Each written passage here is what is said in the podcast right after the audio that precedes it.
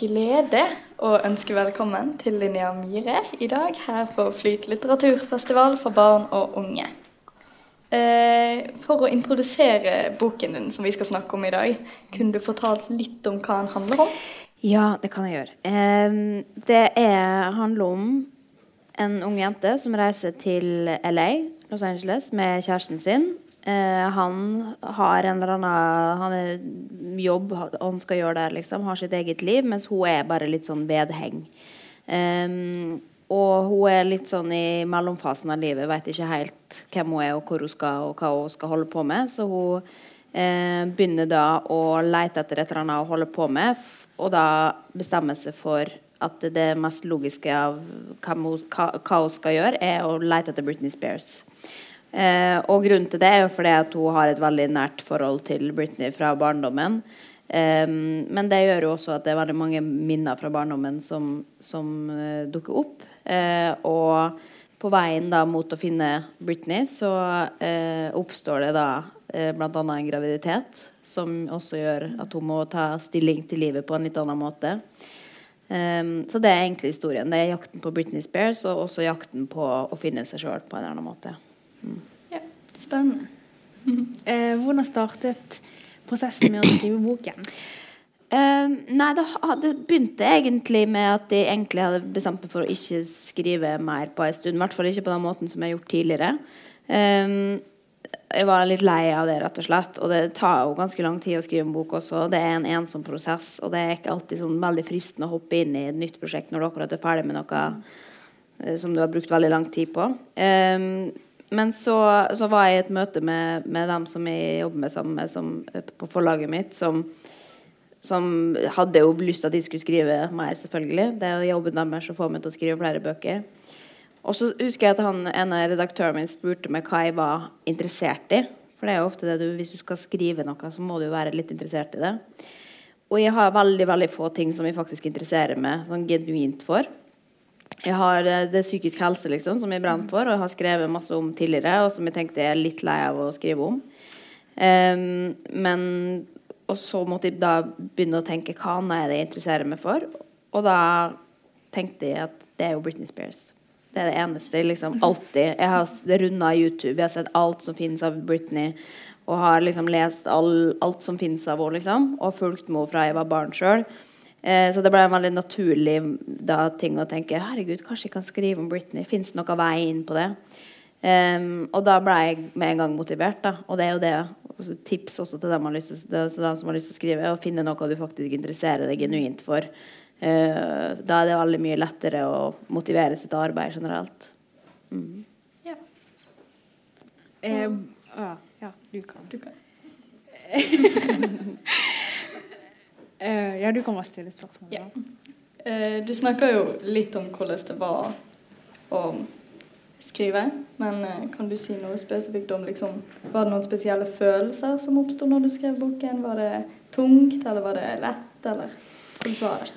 Um, nei, tidligere så har det vært ganske tungt å, å, skrive fordi at det er så nært meg sjøl. Jeg skriver romaner, så det er jo ikke sånn at dem du leser om i bøkene mine, er med, liksom. Men det er klart at man jo Man begynner jo med seg sjøl på et eller annet tidspunkt og skriver rundt seg sjøl, og så blir det til noe større, som blir da fiksjon, fiksjon rett og slett, og et nytt og større univers. Um, og, og, da er det jo alltid veldig tungt å liksom sitte og grave i sine egne følelser og prøve å liksom lage noe ut av det. Da blir det jo til, som å liksom sitte mange timer og, og snakke om seg sjøl med, med, en psykolog. Det er litt sånn utmattende. Um, men i denne prosessen så var det jo veldig mye fokus på Britney, og det gjør jo at man kan sitte bare timevis på YouTube og gjøre research, liksom.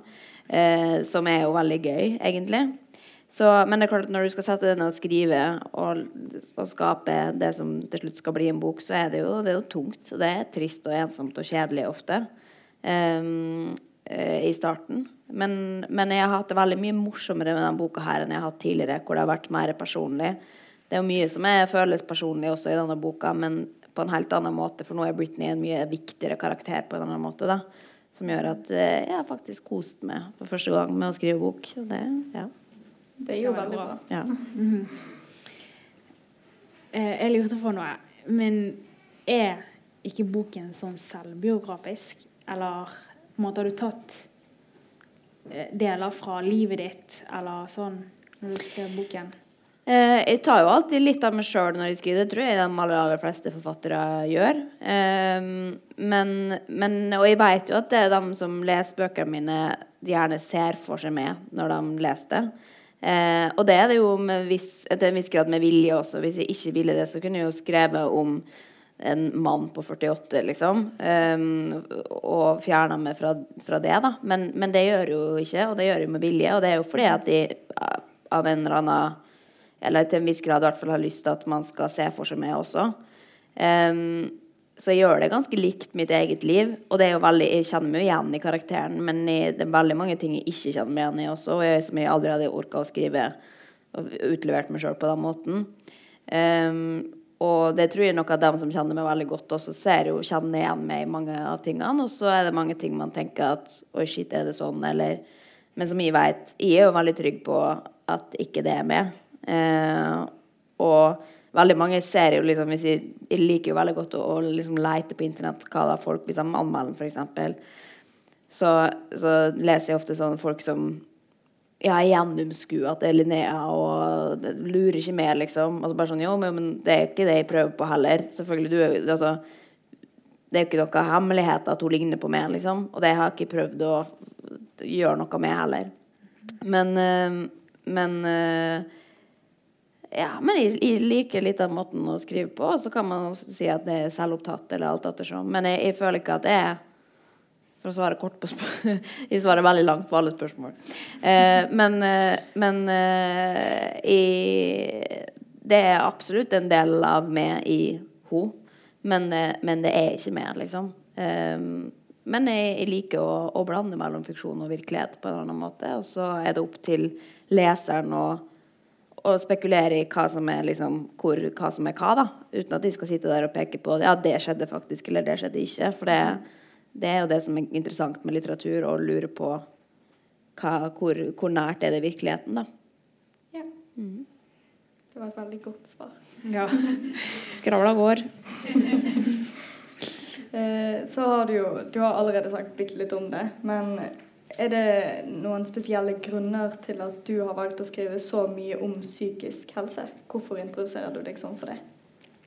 Uh, nei, det kommer jo av at, at, har mye av livet mitt har dreid seg om det sjøl. Jeg fikk anoreksi da jeg var 14-15 år gammel og gått til psykolog uh, siden, liksom. Og um, har jo vært veldig veldig syk og ute av stand til å tenke på noen andre enn meg sjøl. Men når jeg har blitt eldre og fått sykdommen under kontroll, og til tider også på, veldig på avstand, så, så har det jo da blitt viktig for meg å Eh, fordi at de sitter på en realkompetanse som kan hjelpe andre. Da. Eh, kan, eller jeg kan sette meg inn i andre sin situasjon.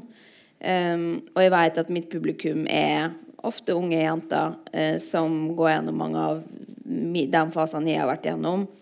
Uh, så vet jeg at de tror mer på meg, og derfor er det viktig å kunne snakke om noe som de kan kjenne seg igjen i, og vite at de også har erfart det samme. da. At, at, man rett og slett kan kjenne seg igjen. Og derfor har det vært viktig for meg å, å snakke om det, fordi det har vært, i hvert fall tidligere, lite snakka om. Da jeg ga ut 'Evig søndag', som var den første boka mi i 2012, så var jo det liksom groundbreaking, fordi det var veldig få som hadde skrevet så intimt om spiseforstyrrelser fra et personlig plan. da. Um, nå har vi jo heldigvis fått veldig mange som snakker åpent om psykisk helse, som gjør at de kan Eh, liksom snakke om andre ting også. Eh, det blir jo litt mye psykisk helse i monitor eh, om dagen. Eh, nesten liksom at det virker nesten mot sin hensikt. Eller at man enda verre ikke nesten tror på at folk sliter psykisk, fordi alle gjør det plutselig. -hmm. Men, eh, men det, fort, det er jo Vi må jo fortsatt Eller det, vi har en lang vei å gå før det liksom er normalt. og Derfor tenker jeg at alle som kan snakke om det på en hverdagslig måte, eh, må gjøre det. da, Alle som tør. For det er fortsatt veldig mange som ikke tør. Og da, i hvert fall, hvis det er lett for meg, så har jeg lyst til å, å gjøre det for å kunne hjelpe andre. Ja, det er jo veldig viktig. Mm -hmm. eh, har du noen sånn tips eh, til hvordan man kan komme liksom sånn, til å komme seg vekk fra spiseforstyrrelse, eller hvis du ser en venn som kanskje har det, eh, hva kan man gjøre da? Ja, det er jo to forskjellige problemstillinger. Da. Hvis, du, hvis man lider av en spiseforstyrrelse sjøl altså, Og det, nå er det viktig Nå blir jeg veldig sånn har lyst til å lære alle om alt, da, og det skal jeg ikke gjøre nødvendigvis. Men, eh, men det er jo ikke sånn at man har en spiseforstyrrelse sjøl om man har et eh, anstrengt forhold til mat eller kropp. Eh, veldig mange har jo veldig lyst på en diagnose om dagen. At man liksom Jo, men jeg har dette. Man skal plasseres i en boks.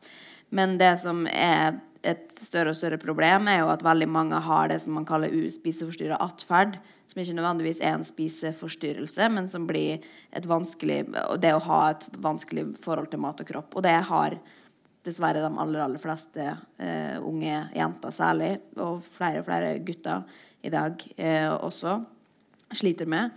Eh, uten at man har nødvendigvis en spiseforstyrrelse. Men selvfølgelig, hvis man da har liksom rota seg borti mat og, og, bruker veldig mye tid på å tenke på mat og kropp, og at det liksom nesten tar over livet ditt og går utover livskvaliteten din, så kan man jo begynne å lure på eh, om man kanskje skulle ha fått hjelp med det.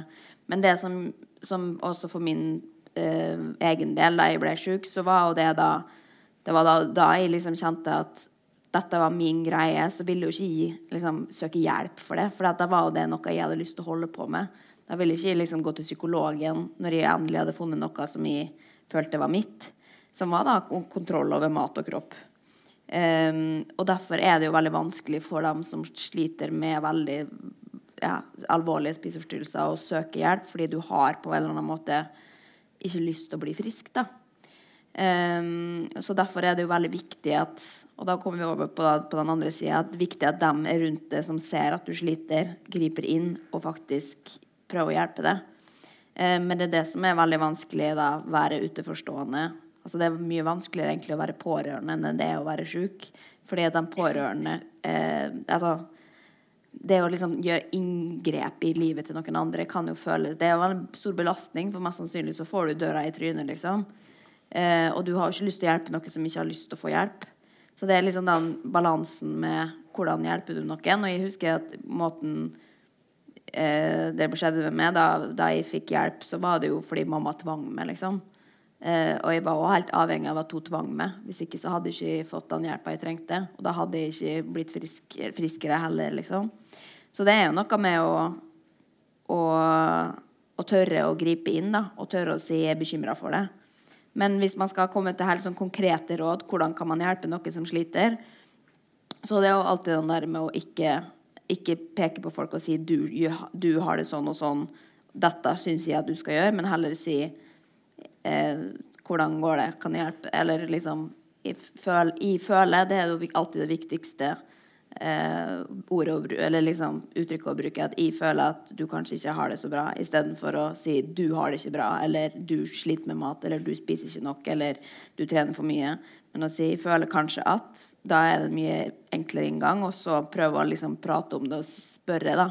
Og hvis man da får Nei, nei, alt er fint. Så, så skal man kanskje ikke grave mer med det første, men spørre en gang til seinere, da. Um, sånn at vedkommende får lov å bruke litt tid på det. Eller ta kontakt med foreldre, så de kan kanskje ta det største av ansvaret. Men det viktigste er i hvert fall å bry seg, og ikke ta et, et avslag for et avslag, da. Eh, og det gjelder jo med alle psykiske lidelser, egentlig. At eh, sjøl om noen er deprimert som begynner å stenge seg inne, eh, sier de ikke har lyst på besøk, så bør du kanskje gå på besøk likevel. Fordi det er viktig for å, komme, for å forebygge, eller for at de skal komme seg videre, da. Mm. Ja. Du sa nå i sted at du tenker, eller du tror at det er litt sånn at folk har veldig lyst på en diagnose. Tror du det er litt sånn blant ungdommer spesielt, at folk føler at de må ha en diagnose eller må være syke? Ja, jeg tror det er litt som at, man, at det har blitt mer og mer av det. At man skal Ikke at man skal nødvendigvis pynte seg med det, men det har jo vært dessverre noen tilfeller hvor det har nesten sett vært kult å ha en diagnose. At man skal ha angst fordi man eh, syns at noe er ubehagelig, eller altså at man og man kanskje har sett i sosiale medier at en eller annen kjendis har det, og da tenker man og kanskje jeg også har det fordi at de føler at de ligner litt på vedkommende. Eh, at man, Men det som vi tror, og det er liksom vanskelig, ikke nødvendigvis bare for ungdommen, men at man Hvis man har et eller annet symptom, da eh, Hvis man har da uro i kroppen, eller hvis man har tunge tanker, så har man lyst på et svar på hva det er for noe. På samme måte som hvis du også har eh, feber, da, eller hvis du har vondt et eller annet sted, så har du lyst til å liksom få påvist Du har lyst til å gå til legen for å si hva det er. 'Å ja, men du har en, bare en influensa', liksom. Så vet du hva det er, og så kan man tenke at ja, men da har jeg det'. Så kan jeg si at det var grunnen til at jeg følte meg sånn. Og det tror jeg også man har lyst på med psykiske lidelser. At man har lyst til å si 'Jo, men det er derfor jeg føler det sånn'. Det er fordi at jeg har denne diagnosen. Men de færreste av oss har jo diagnoser, og de færreste av oss kan egentlig bruke en diagnose til det, med mindre du skal må medisineres. da. Men de aller, aller fleste av oss har jo symptom innenfor ulike diagnoser, som er tungsinnhet eller uro eller hva det skal være, uten å være deprimert eller ha angst. Um, og det må vi skylde litt på, da. Men jeg ser jo det at veldig mange Jeg jobber for Røde Kors også og snakker ofte med ungdom, og de, det er jo de de googler jo for å finne diagnoser for å si jo, men jeg, tror du at jeg har spiseforstyrrelser, tror du at jeg har angst? Nei, du har ikke det, men du har mange symptom som er de samme som du har hvis du hadde hatt en ordentlig diagnose. da. Men du gjør ikke noe bedre fordi at du har en diagnose. Det er kanskje bare enklere å leve med. Og, ja. Men vi, vi, bør jo ikke ønske oss diagnoser. Det er jo ikke noe vi har lyst til å ha. Det er jo vanskelig å bli kvitt dem. Mm. Um, tror du det er mer sånn sosiale medier, sånn skikkelig sånn Instagram, at folk ser at 'Å, hun kjendisen eh, er så og så tynn', eh, og jeg har også lyst til å bli tynn. Og så ser du alle reklamene At folk er på en måte så tynne. Og så ser du på din egen kropp og tenker at jeg må forandre meg, at det er på en måte noe galt med meg. Er det, der, liksom, er det sosiale medier som er på en måte sånn årsaken for spiseforstyrrelse? altså, jeg tror nok Det er veldig lett å peke på at det er sosiale medier sin feil at vi føler oss dårligere. og sånn, og det, De har nok absolutt skyld i det, at, at vi føler oss verre. Men vi har jo alltid sammenligna oss altså Bare fra jeg ble syk, også, da var, fantes jo ikke sosiale medier på den måten som de gjør i dag. Men jeg greide jo å få en spiseforstyrrelse likevel, selv om jeg ikke visste hva en spiseforstyrrelse var engang. Det er ikke sånn at de ønska meg det eller så på sosiale medier at hun er tynn, derfor har jeg også lyst til å være tynn. For det var ikke et ønske jeg hadde, det var bare livet mitt som var vanskelig. Og så prøvde jeg å, å løse det med slanking. Eh, av en eller annen tilfeldig grunn. Og det var at mamma hadde slankebøker liggende hjemme, liksom. Som vi begynte å praktisere. Men det er klart at nå har vi jo da Det er lettere tilgjengelig å føle seg dårlig fordi man har så mange plattformer, som bl.a. sosiale medier eller eh, ja, Uansett hvor du hvor du ser, så ser du noen som er penere enn det, mer vellykka enn det, tynnere enn det, sterkere enn det. Uh, du blir oftere påminnet at du ikke er bra nok, da. Hvis du har lav selvtillit, eller hvis man bare er ung og usikker, som, som veldig mange Altså de fleste som går på ungdomsskole, videregående, er jo litt sånn ja, prøve, å, å, passe inn og er litt usikker på hvem man er og hvem man skal være og hvordan man skal se ut, fordi man gjerne skal passe inn. Um, og da er det klart at, at, sosiale medier kan forverre det. Um, men aleine så, så, kan du ikke si at ja, men det var Kylie Jenner som fikk meg til å få en spiseforstyrrelse. Liksom. Hun kan selvfølgelig bidra til at man har lyst til å se sånn ut, og så prøver man det, og så blir man syk av det. Liksom. Men da er det jo noe som en usikkerhet i det som er feil. Da. Ikke at det er din feil at du får det, liksom, men da er det jo livet generelt som bare er vanskelig, og det kan jo være mange årsaker til at det er vanskelig i utgangspunktet. da. Mm. Eh, ok, Tilbake til boken. Eh, hvorfor valgte du akkurat å skrive om Britney? Det fins jo mange andre kjendiser der ute. Å oh ja, det fins mange, men det fins ingen som Britney. For hun er et uh, ikon og har alltid vært det. Altså, det fins jo ikke så veldig mange sånn legendariske stjerner som alle vet hvem er lenger. Med mindre, altså, med mindre de har dødd, på en måte. Britney også skulle jo egentlig vært død med hensyn til hva hun har gått gjennom. Det er jo egentlig bare et under at hun overlevde. Um, men hun er, jo, hun er jo ikke blitt 40 engang, og hun lever jo i ja, mer eller mindre beste velgående. Eh, men hun har jo fulgt med Grunnen til at de begynte å, å skrive om henne, var jo eh, fordi at hun har fulgt med siden hun slo gjennom. Jeg var alltid kjempefan av henne.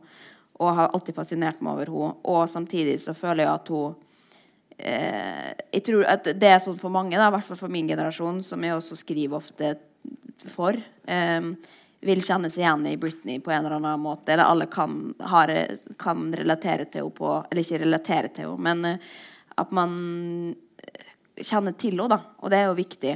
Det, og jeg vet jo det at liksom, det er ikke alle som er like interessert i henne som meg, så det er jo en sånn balanse der også. Eh, det er ikke så gøy å lese om Hvis jeg skal prøve å sette meg inn i liksom, Hvis noen hadde skrevet en bok som handler om jakten på ja, Hvem skal jeg bruke som eksempel, da? Eh, Ramstein. Eh, så hadde jo ikke det vært sånn den første boka jeg hadde gått og kjøpt. Men da handler det om å liksom gjøre det til noe større enn det også, da. Ikke bare at det er Britney-fokusert, liksom. Ja. I boken så har du sitater, eller du har liksom sitater fra sanger. Mm. I begynnelsen av nesten alle kapitlene. De har vi for så vidt stilt ut framme, for de som vil se på de. eh, hvorfor? Nei, jeg syns jo det var litt gøy å liksom For det er jo mange eh, quotes, eller liksom sangtekster som eh, som sikkert Britney har kjent på, eller liksom tekster, og linjer og i tanker som hun har kjent på, som veldig mange unge kvinner og menn for så vidt eh, kan kjenne seg igjen i. da. Eh, og som når du begynner å analysere det F.eks. hun ha den sangen som heter 'I'm Not a Girl, Not Yet a Woman', som er jo basically litt sånn eh, hele bakteppet i fortellinga også. Som gjør jo at man kan virkelig bruke det til et eller annet. da. Eh, men også fordi at det er så mange teite Britney-låter. At det er viktige ting som, er liksom, som man får å få det til å tenke, mens andre ting er bare sånn Work, work, work. Altså, det, sånn, altså, det, gir ingenting, da. Men det også er, er, det som er gøy med Britney. At hun har Det er mye liksom, fint og seriøst, og så er det bare ting som er sånn whack, liksom. Um, og det, det, er jo mennesket i, i sin helhet. Det er plusser og minuser. Mm. Uh, så er sitatene relevant for de kapitlene du satt i? Ja, og det blir jo litt sånn puslespill, selvfølgelig. For jeg har jo lyst at enten sangen skal, skal, gå igjen fordi det høres på, eller fordi at, uh, at det dukker opp i kapittelet på en eller annen måte. da.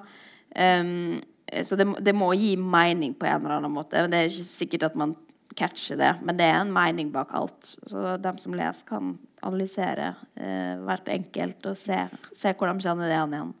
Men enten at det er følelsen i selve teksten, eh, eller sitatet, eller at det fordi at det går igjen, eller at det dukker opp da, i teksten.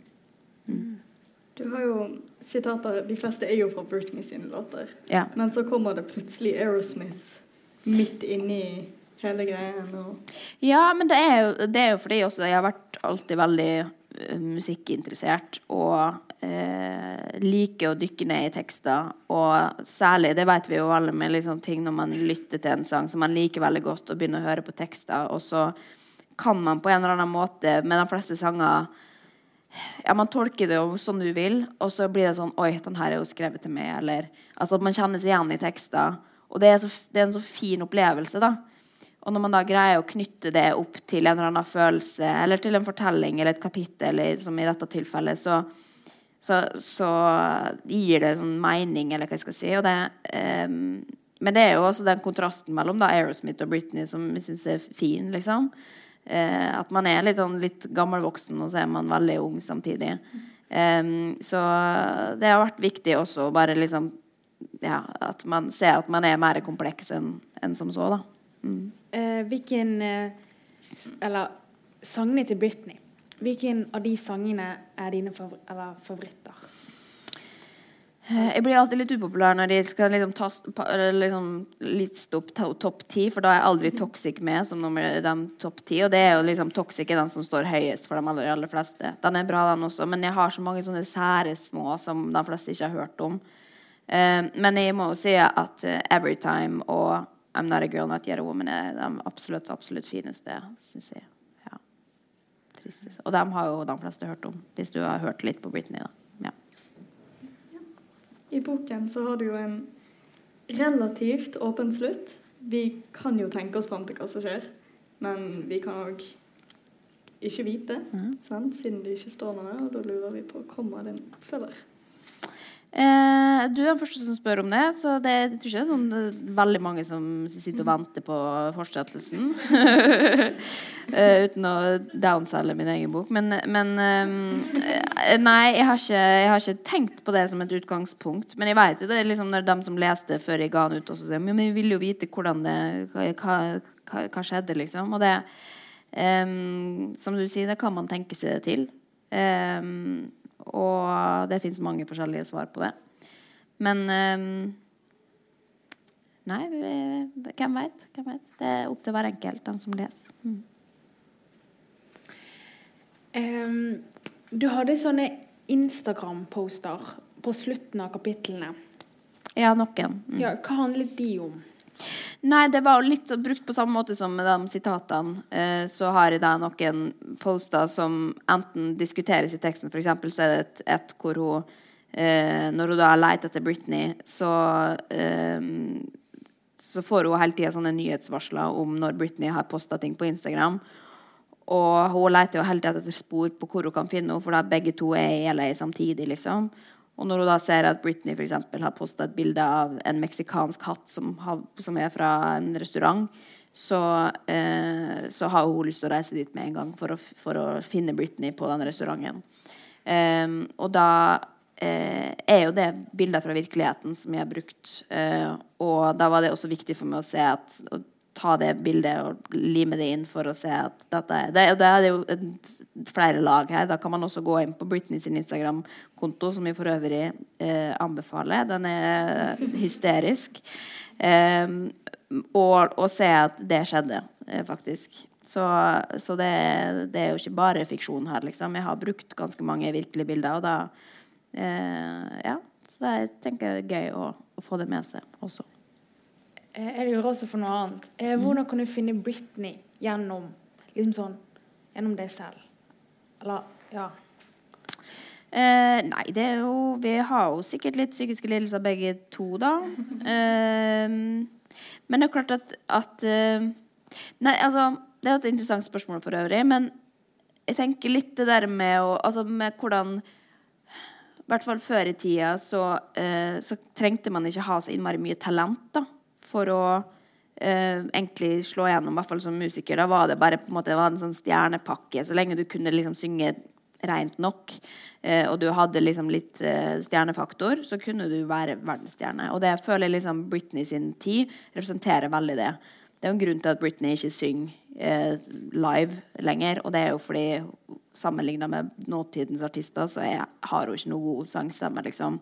Så hun er på en måte liksom bildet på de talentløses um, Jo, men altså, hun har jo mange talent, men hun kan jo ikke danse eller synge lenger. Altså, hun er jo bare litt sånn Men hun er et ikon, liksom. Og det eh, tror jeg nok at jeg kan liksom eh, Uten ikonbiten, altså, men at man liksom kjenner litt på den derre At man man er noe uten å føle at man egentlig kan noe på en eller annen måte. Det, det kan jeg liksom virkelig kjenne meg igjen i, da. Uten at de Eh, men også fordi at de selvfølgelig alltid ønsker at de var Britney. Og det er alltid det sånn Når folk stiller meg spørsmålet hva, hvem skulle du ønske at du egentlig var, så har det alltid vært Britney.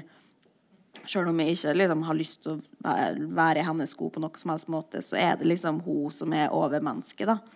Så jeg har liksom alltid speila meg litt i henne, og det er derfor jeg også har brukt det ganske mye her. At det er liksom hele tida man sammenligner seg, om det er forhold eller eh, ja, syke eller utseende og kropp eller altså ja, alt mulig. Mm. Så nå har vi jo snakket veldig mye om boken. Jeg vet ikke hvor mange i salen som faktisk har lest boken. Man kan vinne det seinere i en loddtrekning. Um, men jeg lurte på om du kunne lese litt ja, fra den. Det kan jeg.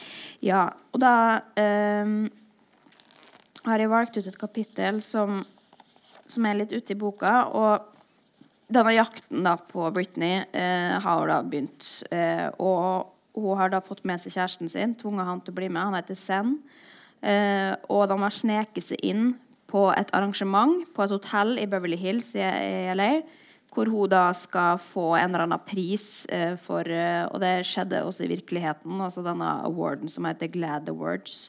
Som er at hun da er en sånn forbilde for, eh, for ja, gay community. da. Eh, og da skal hun være på dette arrangementet, så da har de sneket seg inn eh, på et hotell som egentlig er lukka.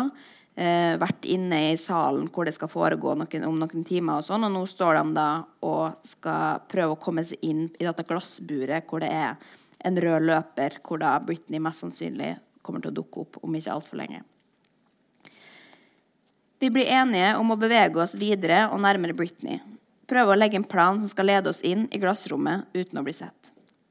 Vi må bare gå rett inn uten å nøle, målretta, sier Sen mens han stirrer opp mot døra, psyker seg opp. Igjen renner svetten i små bekker under armene mine, og jeg må også på, to på toalettet, men jeg snurper leppene sammen og nikker kort til Sen, er klar. Men du går først, Whisky. Ja, ja, selvfølgelig, sier han og retter seg opp, gjør seg klar idet jeg griper tak i armen hans. Vent litt. Hva da? Nei, jeg så på God morgen Norge en gang at det har utrolig mye å si hvordan man går hvis man ikke vil ende opp som offer, sier raskt. Skrittlengde, blikk og holdning det betyr alt, og hvis du gjør feil, så kan du bli tatt.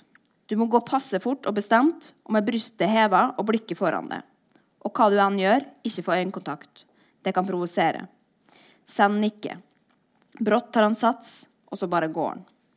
Jeg kveld et gisp før jeg følger etter, med heva bryst og jakka fortsatt dratt ned rundt skuldrene, fester blikket i bakhodet hans. Sekunder seinere er vi inne i glassrommet, sammen med det som må være nærmere 100 journalister og vakter som står tett i tett foran den røde løperen. Idet vi kommer til enden av rommet, ser vi hvordan den røde løperen fortsetter rundt hjørnet og ut i det uendelige med enda flere journalister. Sam stopper opp i ei lita lomme, med utsikt over samtlige innganger. Journalistene står med ryggen vendt mot hotellets inngangsparti, og gjennom store glassvinduer og vegger har jeg oversikt over alle potensielle ankomster. Lufta i glassrommet er tett, og støynivået, støynivået høyt. Og med beherska frykt observerer jeg hvordan nye gjester blir tatt imot og intervjua, tatt bilder av og sendt videre. Jeg skimter et par jenter på min egen alder stå ute langs glassveggene utafor og se inn mens de, de stadig nye festkledde menneskene ankommer fra dyre biler bak dem, før de beveger seg inn i lobbyen. Jeg bytter mellom å følge med på den røde løperen og oppkjørselen. Jeg lurer på om Britney kanskje kommer derfra, eller via en hemmelig port, og hvilken bil hun eventuelt har, om den er flaggermusdøra, eller kanskje noe annet spennende og eksklusivt, eller om hun kanskje prøver å være anonym og kommer i en bil igjen. Jeg lurer på hva hun har på seg, om det er noe fint eller harry. Jeg håper det siste. En skuespiller fra 13 Reasons Why jeg ikke husker navnet på, dukker opp på den røde løperen. Jeg møter blikket til Sand, som smiler før han ser ut i lufta, som om han står her med sin 13 år gamle datter, gamle datter og venter på at hun skal bli ferdig med å kikke på kjendiser han ikke kjenner til, slik som jeg som barn sjøl pleide å vente på halvkjente TV-fjøs utafor ulike arrangement dersom noen av en eller annen grunn hadde forvilla seg hjem til hjembyen min. Jeg trekker pusten, hever hodet og venter. Det virker som om alle de viktige gjestene krysser den røde løperen via lobbyen før de sluses ut gjennom ei hemmelig dør like ved utgangen. Etter mine beregninger vil derfor Britney mest sannsynlig komme gående i vår retning, for hun kanskje stopper opp og blir tatt bilde av, kanskje gir et par kommentarer til en av journalistene foran oss.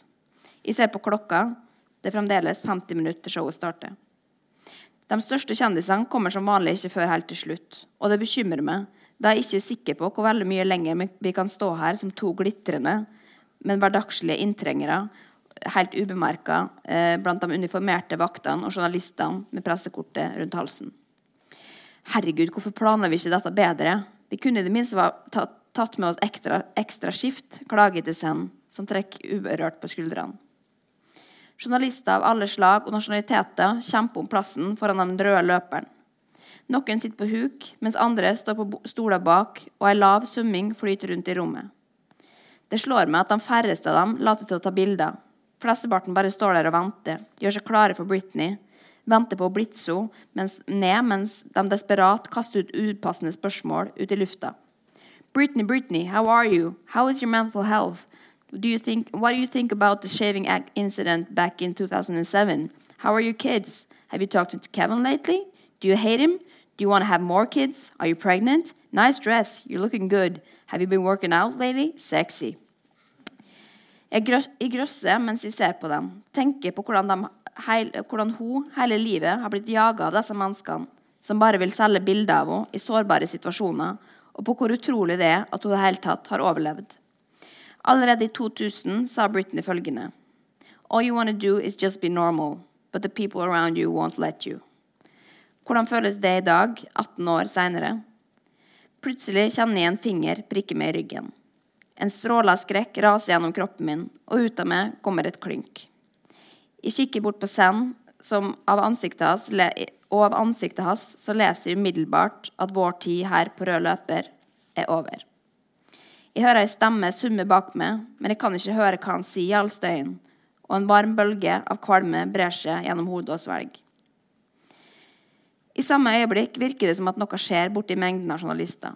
Summinga dempes, og folk stiller liksom litt til, stopper opp. Jeg strekker hals igjen mens jeg hører på Senst milde tonefall forklare noe som omhandler lobbyen, og med ett er det som om plutselig stemninga i rommet forandrer seg. De knelende, de knelende journalistene reiser seg, og et par av dem hopper ut på den røde løperen før de blir ført tilbake, tilbake av ei vakt. Jeg skjønner hva som er i ferd med å skje, og jeg kan føle hvordan beina Eh, kommer til å svikte under meg hvert øyeblikk. Um, vi må gå, sier Sen og strekker fram ei hånd. Jeg ser forskrekka på han, på handa hans, før jeg snur meg mot den brømmende røsten. Han er afroamerikansk og flintskalla og med en hals så brei at han er nødt til å gå på steroider. Uttrykket hans er bestemt, og jeg vet ikke hva jeg skal gjøre annet enn å stå der og måpe idet en, eh, en tåre presser seg ut gjennom en av tårekanalene. Jeg snur meg mot den røde løperen igjen, hvor det nå bobler av testosteron og jaktinstinkt, og akkurat idet Sens hånd går, ut, går over fra å være åpen og imiterende til å bli krevende og insisterende, og han griper tak i meg. Vi er avslørt. Jeg står helt stille, ser fra han til den røde løperen og tilbake igjen, opp på vakta og ut av vinduet, idet jeg blir oppmerksom på at en av jentene på den andre sida av vinduet har lagt nevene mot glassveggen som en kikkert og ser inn i retningen av den røde løperen. Britney er på vei. Ma'am, you can't be here, befaler, uh, befaler vakta. Sen legger en ny hand om skuldra, skuldra mi, drar seg forsiktig mot seg. Uh, du, jeg, be, jeg, beklager, men vi kan se fra utsida. Vi må bare komme oss ut av dette rommet, og det er gjerne litt fort, sier Sen, mens han presser oss ut gjennom folkemengden, vekk fra den røde løperen. Jeg ser oppjaga rundt, rundt meg og på han og på den høye mannen på steroider. Men, men, hvor er vi på vei? Beina går automatisk, og jeg flyter bortover gulvet mot min, min egen vilje. Vi fikk beskjed om å gå ut her, sier han, og peker på ei hittil usynlig dør i glasset, og han slipper tak i meg for å åpne, åpne smekklåsen. Jeg står lamslått og venter. Det store glassrommet med den røde løperen er brått blitt til en prikk i det fjerne. Send åpner døra og går ut, ser alvorlig på meg. Jeg kaster desperat på hodet en siste gang, men idet jeg jeg skal til å ta Sens hånd eh, og bli ført ut hotellinngangen sammen med de dødelige, så kan jeg se blitsen lyse opp langt der borte. Adrenalinet bobler i blodet, og uten å tenke meg om, tar jeg sats og presser meg forbi Sen og ut døra. Begynner å springe langs den andre sida av glassveggen, som plutselig føles uendelig lang, og jeg kan kjenne blodsmaken langt der bak i munnen. Jeg springer helt til jeg får øye på flokken med jenter. Overser dem, presser meg bare mellom dem mens jeg tørker tårene. Sollyset reflekteres i glasset og gjør menneskene på den andre sida mørke og utydelige, og jeg kan knapt se farger før jeg lener meg mot det skrådde glasset, legger hendene mot det, legger ansiktet inntil og, gråter, og myser mens jeg gråter. Rommet lyses opp av blits, og fra denne synsvinkelen ser jeg alle ryggene til de hundrevis av journalistene. De fleste står helt stille, mens de bakerste i mengden haster frem og tilbake, stiller seg på tå og på stoler mens de holder kameraene over hodet. Et eller annet sted der bak eh, alle kroppene står Britney. Og mens tårene fortsetter å renne nedover ansiktet mitt, skyver vi meg bortover langs glasset, parallelt med havet av journalister. Jeg fortsetter slik i et par meter, til det dukker opp et hull mellom to journalisthoder. Og jeg stopper, heiser meg opp på tå. Jeg holder pusten og stirrer gjennom det lille hullet, mens jentene bak meg kniser av et eller annet, og jeg får lyst til å sparke dem hardt i ansiktet. Plutselig dukker det opp noe i den lille luka. Noe lyst, blondt. Jeg beveger meg ytterligere noen centimeter mot høyre og skjønner umiddelbart at det er håret hennes. At det er Britney sitt hår, og jeg bryter ut i et hekst. Jeg får lyst til å fiske mobilen opp av lomma, skru på kameraet og sette på opptak. Men jeg kan verken ta blikket eller hendene vekk fra glasset nå. Dessuten kan jeg ikke risikere at det eneste jeg kanskje ser av Britney, er gjennom nok en skjerm. Ikke noe som gir mulighet til å se henne ansikt til ansikt. Jeg må heller se, huske dette, ta det med meg i hjertet mitt, om det så bare er håret hennes. Ja. Skal ikke røpe resten, da må man lese. Mm. Takk for det.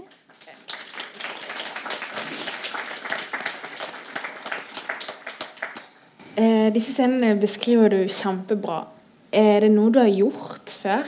Liksom sånn, den scenen? Hvis nei, er det noe du kunne tenkt å gjøre? Hva da? Situasjonen? Ja, situasjonen. Og, og, og jakte på Britney på den måten? Nei, altså jeg har jo gjort min research, kan man si. Eh, så jeg har vært i situasjoner hvor jeg har prøvd å trenge meg inn i steder jeg ikke har hatt lov å komme. Um, men jeg er jo veldig Jeg er ikke så god på å bryte regler og trenge min sted man ikke egentlig skal gå. Um, så det er veldig mange ting i livet som jeg gjerne sikkert skulle gjort, men som jeg ikke har turt fordi jeg er redd for å bli tatt. Um, så Men uh, det er jo en eller annen drøm der, da. Men det er også det. Men, men jeg kan ikke fortelle alt jeg har gjort heller, for det er opp til leseren å, å, å lure på. Men, uh, men, jeg kan si at jeg har, kjenner meg igjen i mange av situasjonene som hun opplever her. Noen av dem i hvert fall. Mm. Um, jeg må få lov til å spørre, håper jeg. Um, har du noensinne sett Britney? Ja, jeg har sett henne uh, på um, i Vegas en gang for uh, fire år siden, tror jeg det. Uh, det var en forglemmelig opplevelse, faktisk. Så selv om jeg gråt Det er et eller annet med liksom, noe du har sett, sett, på TV og sett i blader og fulgt med på hele livet, og så eh, skal man plutselig se det i virkelige liv, og så er det helt sånn Man greier ikke forstå det, sånn, men kroppen forstår det på en eller annen måte. Så man bare gråter i liksom halvannen time i strekk. Og så bare er man ja. Også, men det var veldig sånn antiklimatisk. Fordi For dem som har vært i Las Vegas, så er det et ganske jævlig sted. Um, og jeg syns synd på Britney når hun sto der. Så det var, veldig, det var mange følelser i sving. Men jeg har i hvert fall sett henne. Ja. Eh, med det møtet, var det konsert, eller var det sånn det var en konsert, ja. Hun har et sånt uh, hadde et uh, Hva heter det? Uh, ja, jeg husker ikke hva det heter. Men i hvert fall et opplegg i Vegas som er det samme hver dag. Som hvor hun mimer til 20 låter, men så danser, da. Men det er en grunn til at hun mimer, og det er fordi at hun skal få lov å danse perfekt. sant? Fordi at man kan ikke gjøre begge deler perfekt. Eh, men det er også fordi at eh, mest sannsynlig hun ikke får lov å snakke med publikum. Fordi det er noen onde krefter der. Eh, hvis dere søker opp Free Britney på, nei, på internett, så kan dere finne en, en, stor bevegelse av folk som har lyst å redde Britney fra Hun kom jo i dette conservative-skipet i 2007 etter at hun barberte hodet sitt og har vært da under vergemål av sin egen far i elleve år. Prøver å komme seg ut av det. Eh, fortsatt. Har ikke kommet seg ut av det, men hun har ikke hatt lov til å bruke en eneste krone uten å spørre far sin eh, på basically 11-12 år. Eh, eller noe som helst. Som gjør jo at eh, hun kanskje er litt fanga. Og det er derfor jeg også mistenker at kanskje den mikrofonen er skrudd av fordi hun egentlig ikke får lov å si noe som ikke noen andre har kontroll på. da. Og det er jo litt trist å tenke på. Men det er en veldig spennende utvikling og masse rettssaker og alt mulig. Så jeg, jeg leser om Britney hver eneste dag fortsatt. Ja. ja. Hvorfor heter boken 'Meg, meg, meg'? Um, nei, det er jo en litt sånn tegn i tida. Jeg har jo prøvd å skrive et eh, generasjonsportrett på en eller annen måte. Og det, har, og det tror jeg nok at veldig mange i min generasjon kan kjenne seg igjen i. Men også liksom det der selvopptatte, at man bare skal snakke om seg sjøl. Min eh, generasjon som har skrevet bøker, også har skrevet veldig Selv om det er fiksjon, så er det også veldig selv... Eh, ja selv, selvopptatt eh, på en eller annen måte likevel. Så det skulle jo være både ironisk, men også ekte eh, for å representere da min generasjon. Og jeg innrømmer det også. Jeg har jo skrevet mye selvopptatt og snakka om meg sjøl lenge. Um, og kommer nok sikkert også til å bruke meg sjøl i, i, i, lang tid framover. Um, Men, eh, men jeg, jeg syns jo det er en fin, fin tittel. Men det er kanskje noen for anmeldere sånn som, som da ikke har forstått det. Som bare bruker det mot meg, på en måte. Jeg tenkte jo at jeg kunne komme unna med det så lenge jeg var ironisk på egne vegne, men det blir jo fortsatt kalt selvopptatt, da. Så det er jo greit. Ja. Men det veit de, på en måte, så det er ikke noe nytt. Ja. Eh, valgte du coveret selv? Eh, ja, altså, jeg har ikke tegna det sjøl, men jeg har fått eh, Jeg hadde en eller annen idé om at det skulle være meg, meg, meg, meg, meg, meg, meg inn i en sirkel som bare gikk evig. Men det var så vanskelig å få til. Men, eh, men eh, så jeg fikk hjelp, fikk forslag til at man jobber jo med en, en designer, liksom. Og så får man Så pek, ja, prøver man da å finne, finne til, til slutt et felles resultat man er fornøyd med. Men eh, jeg er veldig tilfreds med det, altså. Ja. Jeg lurte også på en annen ting. Er rosa din favorittfarge? Eh, nei, egentlig ikke. Uh, jeg har egentlig veldig få favorittfarger, bortsett fra sånn, sånne neonfarger. Det liker jeg, men det er kanskje mest i brusform. da. Men nei, det er bare, men det er jo et eller annet fint Britney-esk ved det. da. Og det er jo litt av poenget også, at det skal være litt barnslig og litt uh, uh, Ja, noe annet, liksom. Mm. Ungt. Ja, da er det vel bare å takke deg, Linnea, for at du ville komme her og snakke med oss. Det var veldig Takk for hyggelig. meg. Og hvis noen har med seg bøker og vil ha signatur, så, så bare kom, kom opp til meg, så skal jeg fikse det. Takk til deg, Anne. Ja. Ja.